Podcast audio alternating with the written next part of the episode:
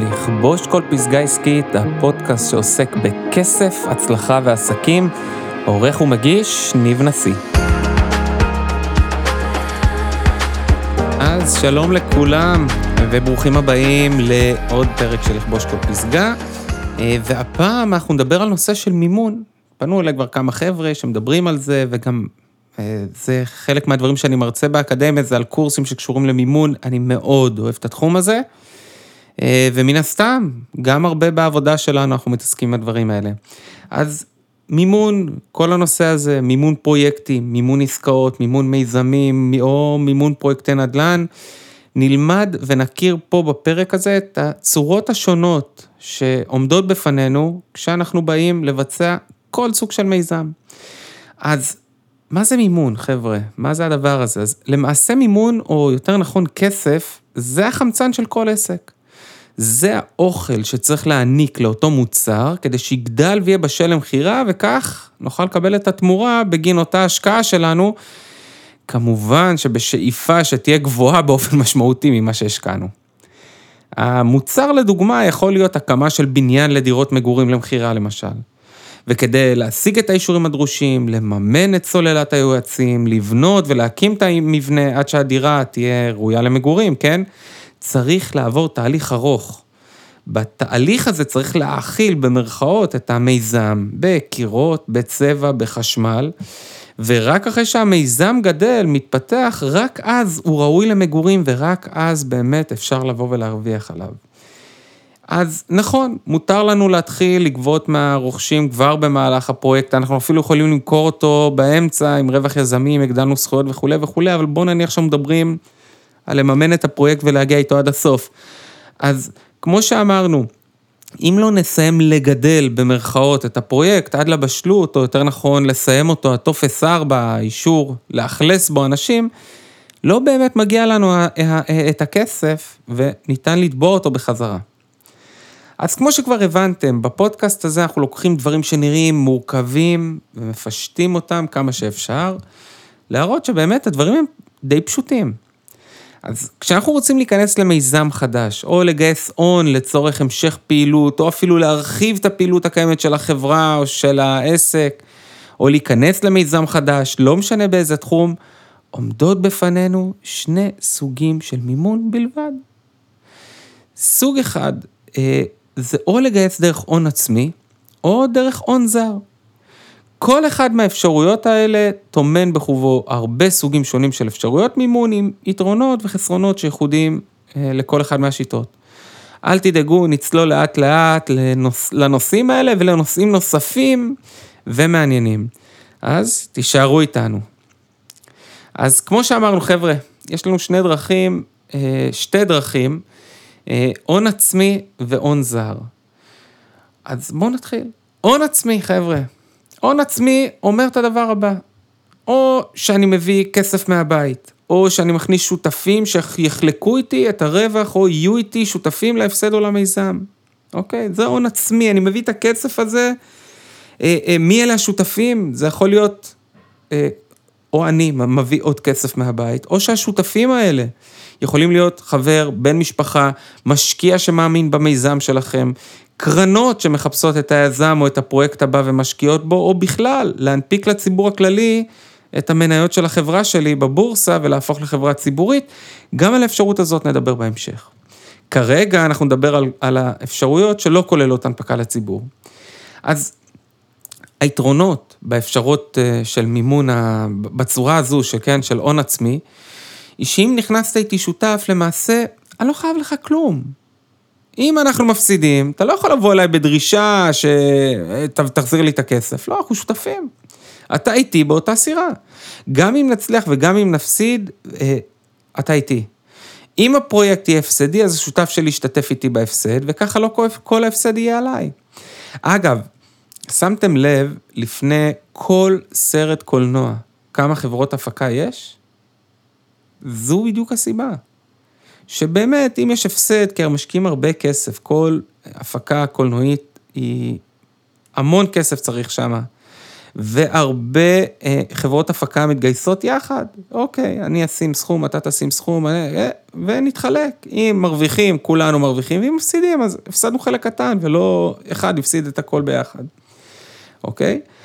יתרון נוסף בהכנסת אה, שותפים, כן, באפשרות הגיוס הזו של הון עצמי, זה להכניס שותף אסטרטגי. כלומר, מישהו שלא רק שמזרים לי כסף ושותף איתי ברווחים, אלא גם מביא איתו ערך משמעותי שיכול למנף את הפרויקט באופן משמעותי. לדוגמה, שותף שהוא גם במקרה עורך דין שמכיר טוב את הסוגיות המשפ... המשפטיות באותו התחום אליו אנחנו נכנסנו. והוא לוקח על עצמו גם את כל הנושא הזה. עכשיו, אתם יודעים מה יקרה אם לעורך דין של העסקה יש גם בעלות עליה, כן? אתם מבינים כמה הוא יתאמץ עוד יותר, איזה אינטרס יש לו פה שהדבר הזה יצליח פי כמה וכמה. דוגמאות נוספות לשותפים אסטרטגיים, אה, למשל, שותף שיש לו קשרים רבים שיוכל לפתוח לנו דלתות בהרבה מקומות שאילולא הוא, לא היינו מצליחים להיכנס לשם בכלל.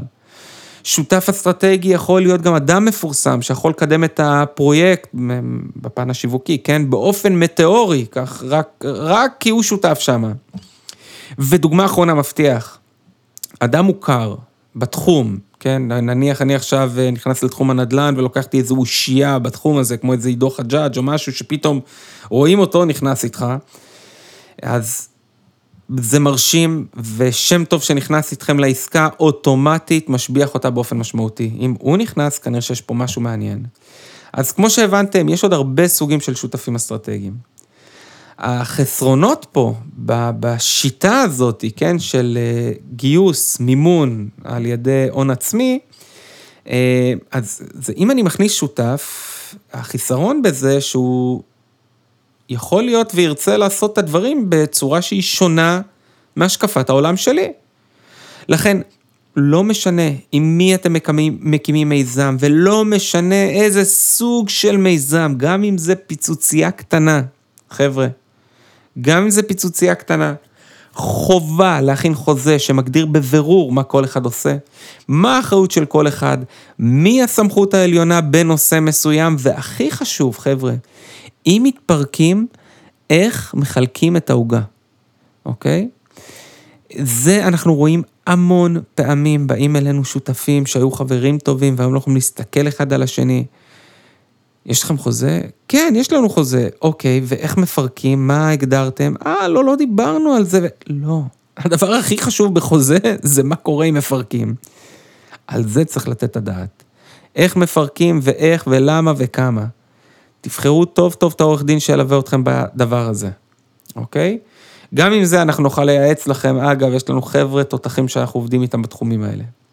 אז חיסרון שני, אמ, השותפים שאני מכניס אה, מדללים את ההחזקה שלי במיזם, ואז למעשה אם המיזם הרוויח מיליון שקל, אני אצטרך לחלוק אותו עם עוד שותפים. אגב, מאחל לכולם שזה יהיה הצרות שלנו, כן? אה, וחיסרון שלישי, שימו לב, אם אחד השותפים מסתבך באיזה פרשייה פלילית, או משהו שהוא לא יפה, נקרא לזה בלשון עדינה, זה מקרין על כל הפרויקטים שהוא מעורב בהם. קחו לדוגמה את סטטיק ובן אל. הפרשייה שהייתה עם ההקלטות על הילד של בן אל, סטטיק אכל מזה בראש לא פחות ממנו. כל הקמפיינים המשותפים שלהם פשוט בוטלו. כל הפרסומות שהם היו צריכים להשתתף בהם בוטלו. עכשיו, סטטיק לא עשה כלום, הוא לא עשה את ההקלטות האלה, אבל בגלל שההוא עשה את הבעיה, שניהם אכלו בראש והפסידו קמפיינים במיליוני שקלים, אוקיי? אז אה, אילו צורות של הון עצמי יש? טוב ששאלתם, בואו נתחיל. אז בגדול השיטה היא מאוד פשוטה, אנחנו מדברים כמובן רק על חברות, אנחנו מדברים על הנפקות של מניות, אוקיי? אם לדוגמה יש לחברה שלי, יש לה 100 מניות ואני מחזיק בכל ה-100 מניות האלה ואני צריך מימון. ובחרתי בשיטה של מימון, בשיטת ההון העצמי ולהכניס שותף שיזרים כסף, אז אני מה שאני עושה למעשה, המשקיע יכול, כמו שאמרנו, יכול להיות חבר, מכר, שותף, משקיע פרטי, קרנות וכולי וכולי, אני יכול להנפיק לו עוד 50 מניות, לצורך הדוגמה, בתמורה ל-X כסף שקבענו מראש, הוא יזרים לחברה את הכסף הזה, אני מנפיק לו 50 מניות, אני נשארתי עם ה-100 מניות שלי, אבל עכשיו בחברה אין 100 מניות, זה כבר 150 מניות. אני מחזיק ב-100, הוא מחזיק ב-50, אני מחזיק ב-100 מתוך ה-150 מניות, כלומר, 67 אחוזים אני מחזיק עכשיו שני שליש, אוקיי? יתרון במק... בשיטה, אין אירוע מס פה, אין שום אירוע מס, לא מכרתי מניות, אלא החברה הנפיקה מניות חדשות ובתמורה היא קיבלה כסף, כן? שהיא יכולה לבצע את הייעוד שלה. שימו לב שיש הבדל בין הנפקה למכירה של מניות. אם לא הייתי מנפיק את המניות, אלא מוכר לשותף החדש 33 מניות ממני, אז אני מחזיק 67 מניות מתוך המאה, אוקיי? כלומר 67 אחוז. אך על ה-33 מניות שמכרתי נצטרך לשלם מס רווח הון, והכסף בכלל עובר בין בעלי המניות ולא נכנס לחברה, אוקיי? זה נקרא מכירה או סוג של אקזיט, כן? יוצא לאט לאט מהחברה. אז היתרונות בכלל של אה, אה, גיוס, מימון דרך הון עצמי, בין היתר הוא גם שהיחסים הפיננסיים שלנו לא נפגעים, אפילו להפך. יהיה יותר קל לגייס הלוואות ככל שההון העצמי גדל. זה משפר את רמת המינוף של החברה. הרי מינוף, כן, איך, איך מודדים אם החברה ממונפת? מה התרגיל שעושים, התרגיל המתמטי? אנחנו לוקחים את ההון הזר, את החוב שיש לחברה כלפי נושים וחייבים אחרים, כן, ומחלקים אותה בהון העצמי. ככל שהמספר הזה קטן יותר, כן, זה אומר שהחברה פחות ממונפת. עכשיו, איך, החב... איך, איך המספר הזה יכול להיות קטן? בשני דרכים. או שאני מקטין את החוב שלי כלפי אחרים, סוגר הלוואות, כן? או שאני מגדיל את המכנה, כן, את החלק התחתון, את ההון העצמי, אוקיי? אז כשאנחנו מגייסים מימון בדרך של הון עצמי, זה דווקא משפר לנו את היחסים הפיננסיים. גם את היחס מינוף שלנו, וגם את היחס השוטף שלנו הוא גדל. מה זה היחס השוטף? כן, אנחנו מודדים את הנכסים הפיננסיים, את הנכסים השוטפים, כן? מה זה נכסים שוטפים? כל הנכסים שאנחנו צופים שימומשו והפכו לכסף בשנה הקרובה. מזומנים, לקוחות, מלאי, אתם יודעים, דברים כאלה בגדול, אה, פקדונות או השקעות שאנחנו צופים שימומשו אה, בשנה הקרובה. לחלק, כן, הנכסים השוטפים, לחלק להתחייבויות השוטפות שלי. הכספים שאמורים לצאת ממני בשנה הקרובה. ספקים, החזרי הלוואות וכולי וכולי, כאלה שיהיו בשנה הקרובה. אז ככל שהמספר הזה גבוה יותר, ככה זה מעיד שהחברה היא חזקה יותר, אוקיי? אמ, עכשיו, מה קורה במצב של הנפקה, כן, הנפקה פרטית, או גיוס דרך הון עצמי, נקרא לזה, תכף שלא נתבלבל עם המילה הנפקה כחברה ציבורית, היי, נוח, כן?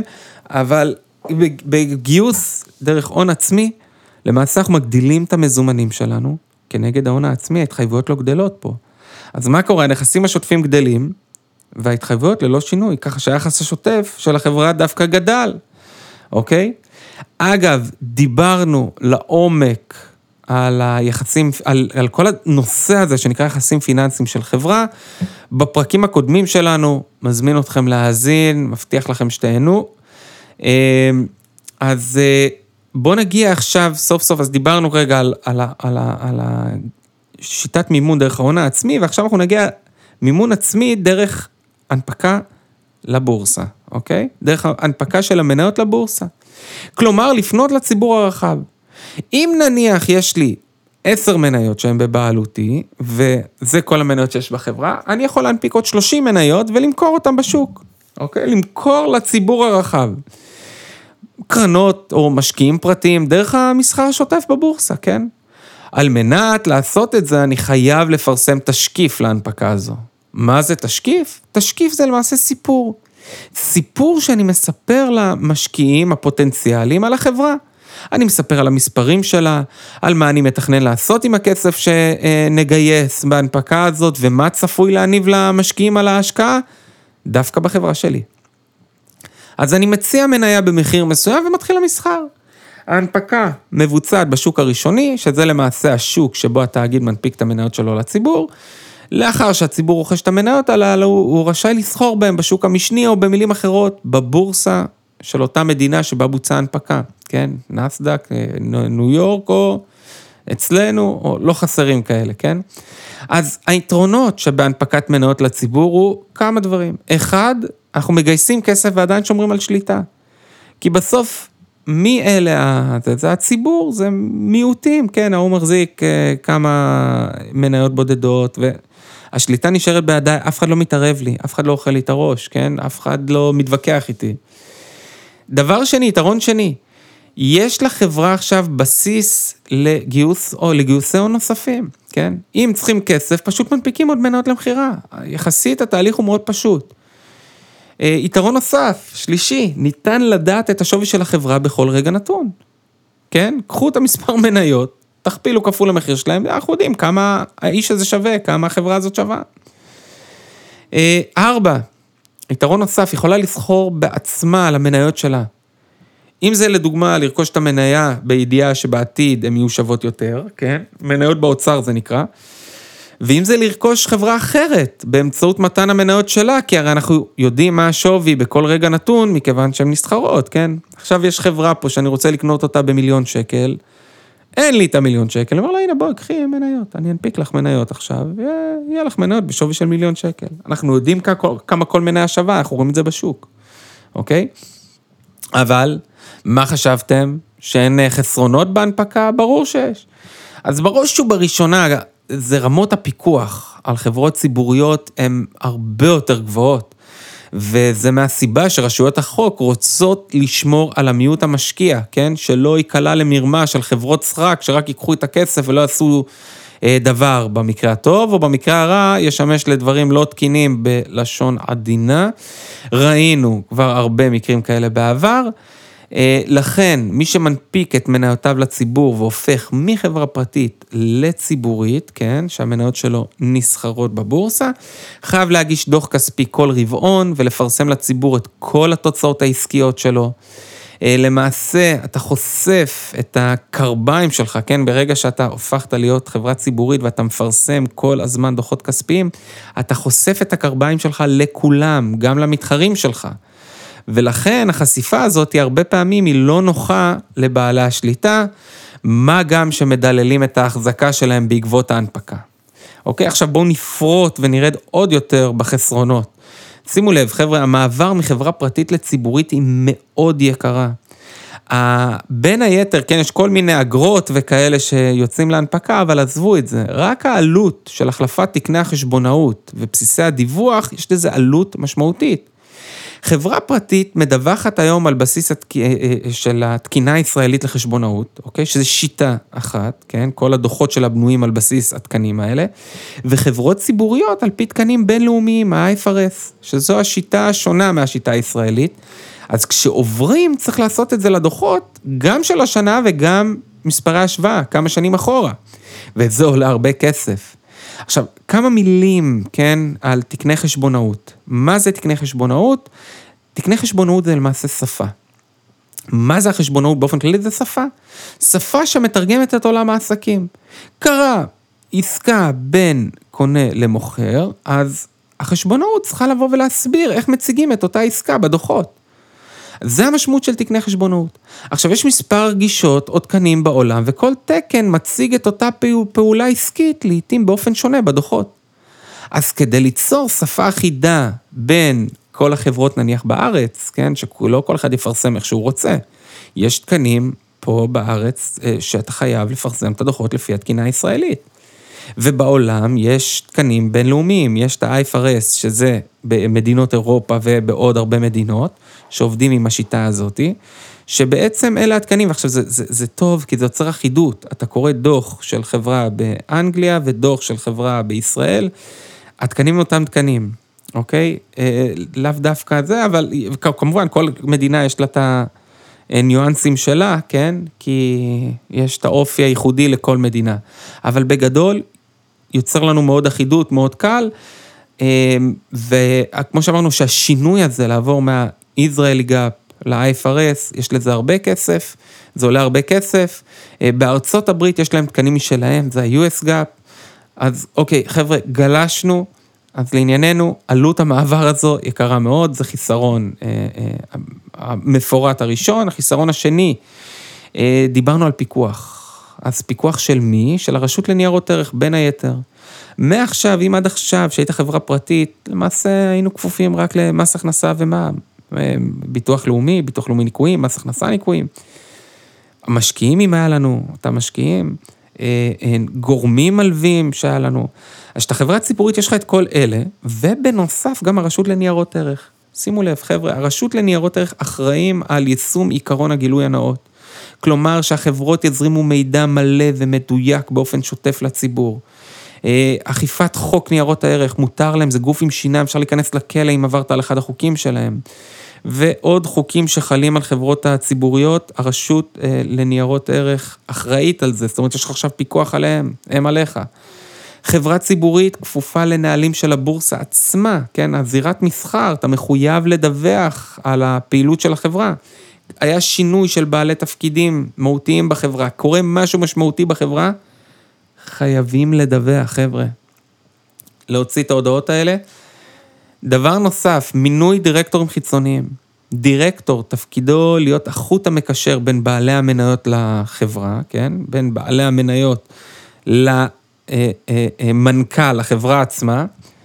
הדירקטוריון למעשה בודק את פעולות המנכ"ל, שהוא אכן מקיים את רצון בעלי המניות. הרי כמו שאמרנו, רצון בעלי המניות למשוך רווחים בעוד המנכ"ל רוצה להגדיל את הפעילות ולהגדיל את ההשקעות בחברה. זה בפשט כמובן, כן? לכן הדירקטוריון הם למעשה הנציגים של בעלי המניות שמתווים למנכ"ל את האסטרטגיית פעולה שלו ואת היעדים, אוקיי? מינוי דירקטור חיצוני זה רק לחברה ציבורית, והוא למעשה דירקטור שאמור לבקר באופן אובייקטיבי ונטול אינטרסים את פעילות החברה, ולוודא שהיא משרתת את רצונם ועניינם של כלל בעלי המניות, לרבות בעלי מניות המיעוט, אוקיי? ולא רק את הטובה של בעלי השליטה עצמם, אוקיי? פיקוח נוסף זה הקמת ועדת ביקורת שתפקידה לעמוד על הליקויים בניהול העסקי של החברה. החברה הציבורית חייבת להעסיק מבקר פנימי שהוא כפוף לדירקטוריון, והוא עוסק בבדיקת תקינות פעולות החברה מבחינת הצד החוקי שלהם. אה, הוא כפוף, כמו שאמרנו, לדירקטוריון ולא למנכ"ל, כן? כך שתפקידו לזהות פעולות לא תקינות של המנכ"ל ולדווח לדירקטוריון, ואי אפשר לפטר אותו. המנכ"ל לא יכול לפטר אותו, אוקיי? אז בקיצור, כמו שאתם מבינים, יש לזה הרבה עלויות שהן לא רק בכסף. אבל כמו שיש לזה הרבה חסרונות, היתרון בכל הפיקוח הזה הוא כש, כשאתה מציג את עצמך כבעלים של חברה ציבורית, אז ברור למשקיעים הפוטנציאליים שהחברה שלך מבוקרת היטב. ואין מה לעשות, חבר'ה, זה מעלה את המיתוג והמיצוב של החברה לרמה מכובדת. אוקיי, חבר'ה? אז עד כאן אנחנו עם הנושא של הון עצמי. אז דיברנו, אמרנו על האפשרויות של הגיוס שיש לנו פה, אה, את היתרונות, החסרונות, ועכשיו אנחנו נעבור להון הזר. אז הון זר, כשמו כן הוא, התחייבויות של החברה כלפי גורמי מימון שמזרימים אליה כסף בצורה של הלוואות ואשראי מבנקים, הלוואות מקרנות ממשלתיות, אשראי מספקים לרכישת ציוד או חומרי גלם ועוד. כלומר, כלומר, גיוס בעזרת הון זר הוא גיוס של גופים או מלווים שאומרים לך, קח כסף, לא מעניין אותי מה קורה עם הפרויקט, אני רוצה את הכסף שלי בחזרה בתוספת של ריבית מסוימת, אוקיי? אחוז ריבית מסוים. אז הון זר יכול להיות גם, כמו שאמרנו, גם מספקים שנותנים לך סחורה ועדיין לא שילמת להם. הם למעשה מימנו לך את הסחורה שאותה אתה מוכר ללקוחות שלך, כן? זה, שזה הפעילות העסקית שלך. הם למעשה מימנו לך את זה, ובתמורה אתה חייב להם כסף. כל עוד לא שילמת להם על זה, זה סוג של מימון זר. עכשיו, אם בגיוס שבדרך של הון עצמי, ההתחייבויות שלנו נותרו ללא שינוי, ומה שגדל זה רק הנכסים כנגד ההון העצמי, נכון? מזומן כנגד המניות שהנפקנו, אוקיי?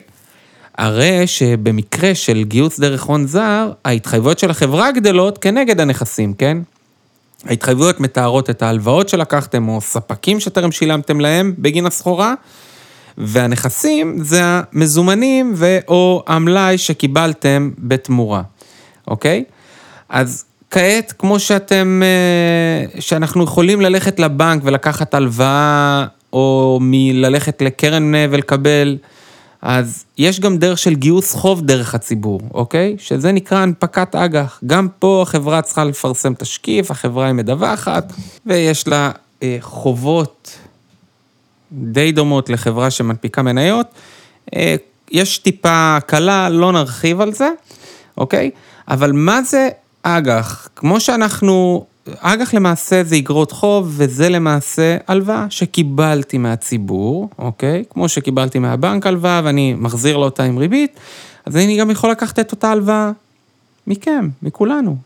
יש, הנפקתי אג"ח, אתה רוצה בוא, אתה מאמין בי, אתה תלווה לי את הדבר הזה, בתמורה תקבל קופון, תקבל ריבית אחת לתקופה, בסוף התקופה תקבל גם את כל הקרן, ואמריקה. עכשיו, ככל שאתם מאמינים יותר וככל שיש ודאות לגבי הכסף, האג"ח הזה, המחיר שלו יעלה והתשואה מן הסתם תראה, דיברנו על זה גם כן, איך מחשבים את הדבר הזה בפרקים הקודמים. אז זה הרעיון של הנפקה לציבור של הון זר, עם הנפקה בהון העצמי לציבור זה הנפקת מניות ונסחר בבורסה, אז בהון הזר זה למעשה האג"חים, אה, וגם זה מן הסתם נסחר בבורסה. אז היתרונות שבגיוס הון זר על פני משקיעים אה, אה, חיצוניים, כן, כמו הנפקה דרך ההון העצמי, הוא שאין לך שותפים. כלומר, אחרי שהצגת את הרעיון שלך למלווים וקיבלת את הכסף, ברוב המקרים אין התערבות מהגורם המממן בדרך הניהול שלך. עכשיו, אני אסייג ואומר שיש מקרים שנותני אשראי גם יתערבו בצעדים שנראה להם שהם לא נכונים מצדך ויכולים למנוע את המהלך. אם הדבר מעוגן בחוזה מסודר מצידם בעת קבלת המימון מהם. כלומר, הם אומרים לך מראש, תקשיב, אם אתה עושה מהלך כזה וכזה, אנחנו מתערבים. אם מגיעים לאיזה מצב שיש אה, אה, איזה קטע של יחסים פיננסיים שמודדים אם אתה מגיע לאיזה אמת מידה כלשהי, שחרקת מהתקציב במצב כזה, אנחנו מתערבים, אוקיי? אה, אז יתרון שני, אם הפרויקט היה הצלחה מסחררת, כל הרווח שלך, כלומר, אין דילול של ההחזקה שלך. איפה החסרונות פה במימון זר? אה, זה פוגע בתזרים שלך.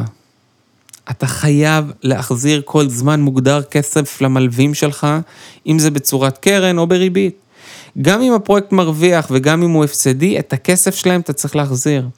לכן, הרבה מהמלווים דורשים ערבות אישית, כך שגם אם אתה חברה בע"מ, תצטרך להחזיר להם את הכסף. להבדיל אגב משותפים שלך, כן, שהם יכולים להיות גמישים, אם בכלל, למשוך דיבידנדים, הרי שבמקרה של חוב אתה חייב להחזיר במועדים מוגדרים את הריבית על החוב. אחרת, יכולים לנקוט כנגדך בצעדים משפטיים ובמקרים קיצוניים גם לקחת ממך את הבעלות על החברה, אוקיי? אגב, שמעתם פעם את המושג הזה שחברה עושה תספורת לחובות שלה? נכון, זה נשמע כמו איזה משהו חביב ולא נורא, אבל המשמעות היא שהמונח תספורת מתייחס למעשה להסדר חוב בין לווה למלווה, יעני, בין מקבל האשראי לנותן האשראי, שבמסגרת ההסדר חוב הזה, מוותר המלווה, כן, זה שהשקיע, זה שנתן את הכסף, על חלק מהחוב שחב לו החייב, וזאת במטרה לקבל חלק ולו קטן מהחוב. כלומר, הלוויתי לך 100, ובגלל שנקלעתי לצרות, אז או שתקבל 60 או שלא תקבל כלום, ואנחנו הולכים לפשיטת רגל. בגלל זה זה נקרא תספורת, כן?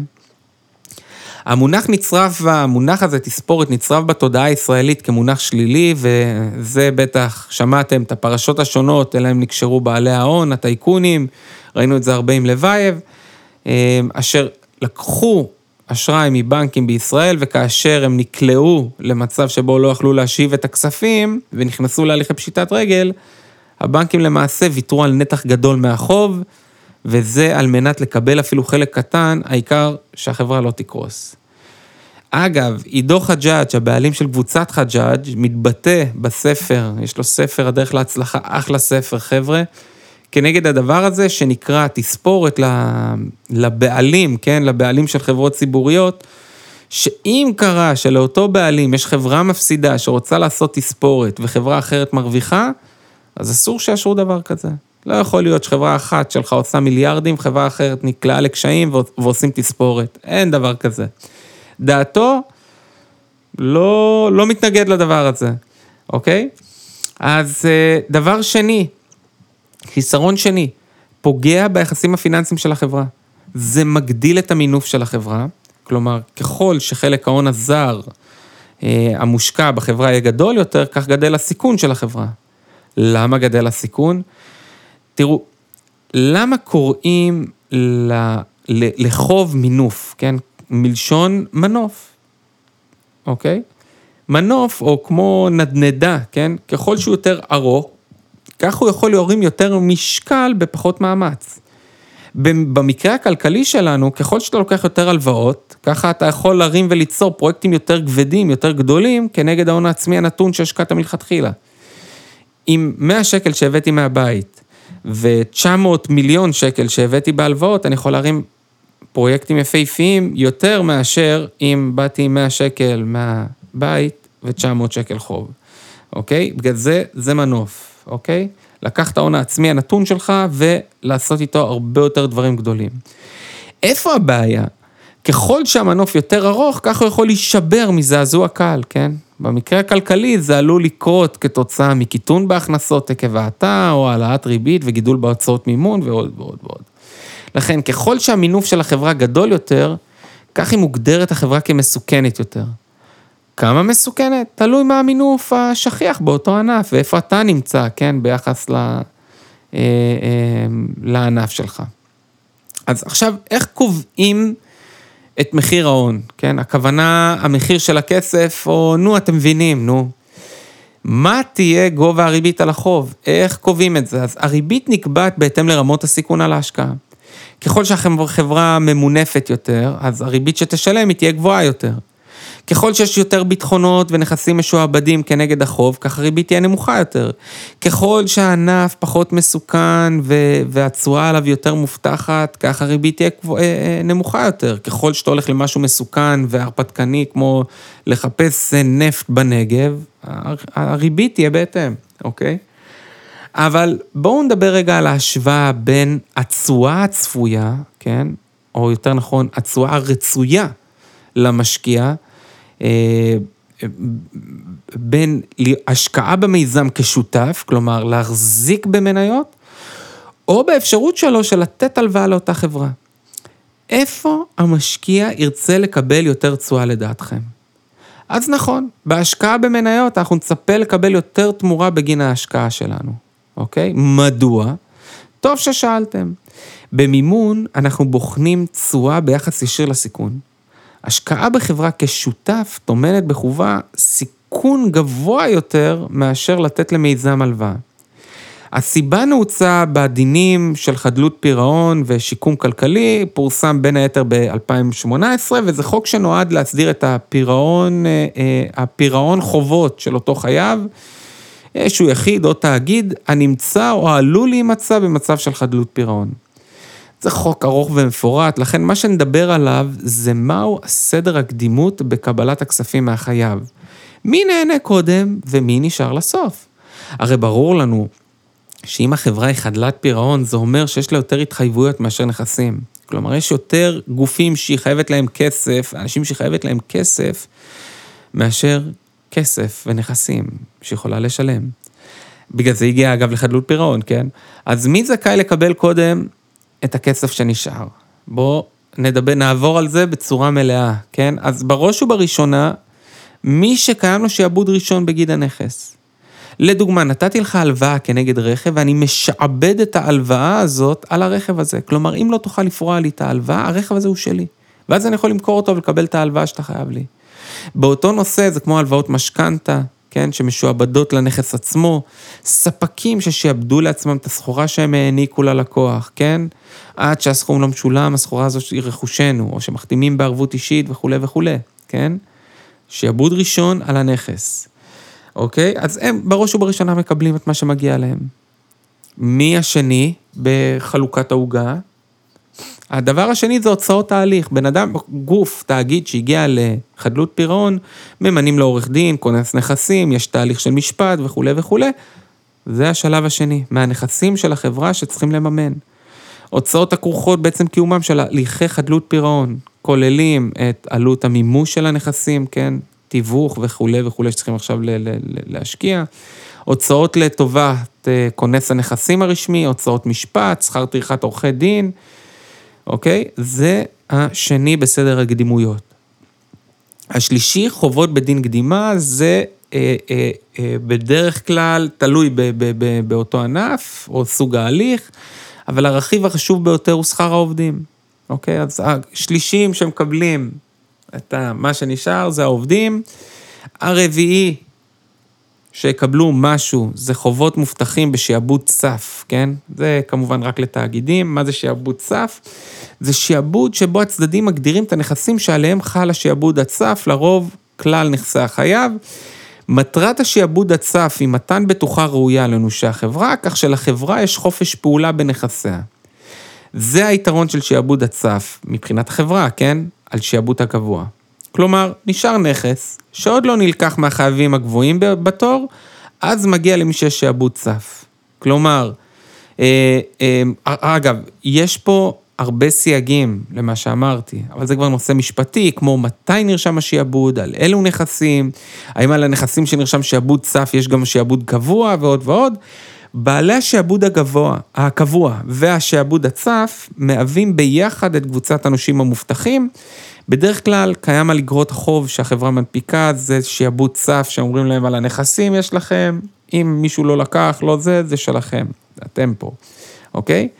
שימו לב, השלב החמישי, אם נשאר משהו, זה החובות הרגילים. כל החובות שאינם מובטחים או מועדפים, בדרך כלל, ספקים קטנים שרק התחילו את העבודה, תמיד שמתם לב שיש את הביקורות האלה שחברות ענק פתאום פשטות רגל, האנשים הקטנים נדפקים. למה? בדיוק פה. כי דווקא הספקים הקטנים וחסרי הכוח וה... לא יעשו עכשיו שעיבודים ראשוניים וערבויות אישיות, העיקר תנו לי לעבוד איתכם, נתתי לכם סחורה ופוף, הם נקלעו לקשיים, ולא מגיע לך כלום. כי בדרך כלל כבר פה לא נשאר, לחבר'ה האלה כבר לא נשאר כלום. אוקיי? ורק אחר כך, אם נשאר משהו אחרי החובות הרגילים, אז מחלקים את זה, את יתרת הנכסים, לבעלי המניות, אוקיי? אז אתם מבינים, בעלי המניות הם אחרונים בשרשרת החלוקה.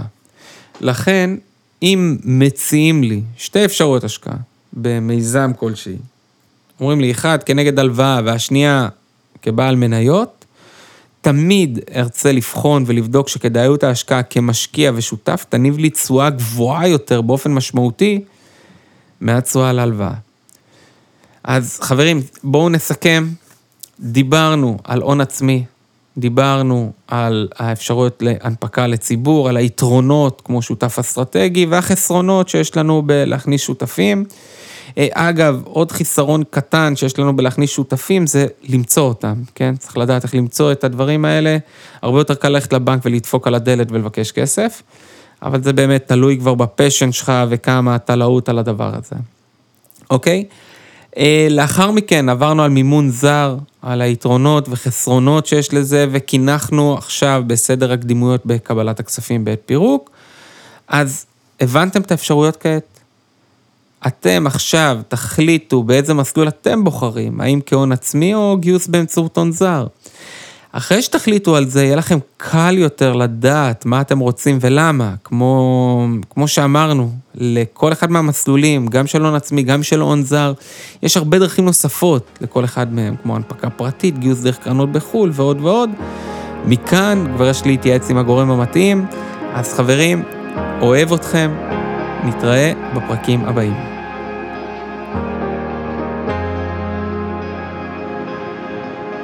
הפרק הוכן בשיתוף המכון הפיננסי לחברות בישראל בע"מ. אני ניב נשיא, רואה חשבון, שותף ובעלים של פירמת רואי חשבון לחברות נשיא קלוגר. אה, ותמשיכו לכתוב לנו, תמשיכו לעקוב אחרינו ולקבל עוד תוכן איכותי. נתראה בפרקים הבאים.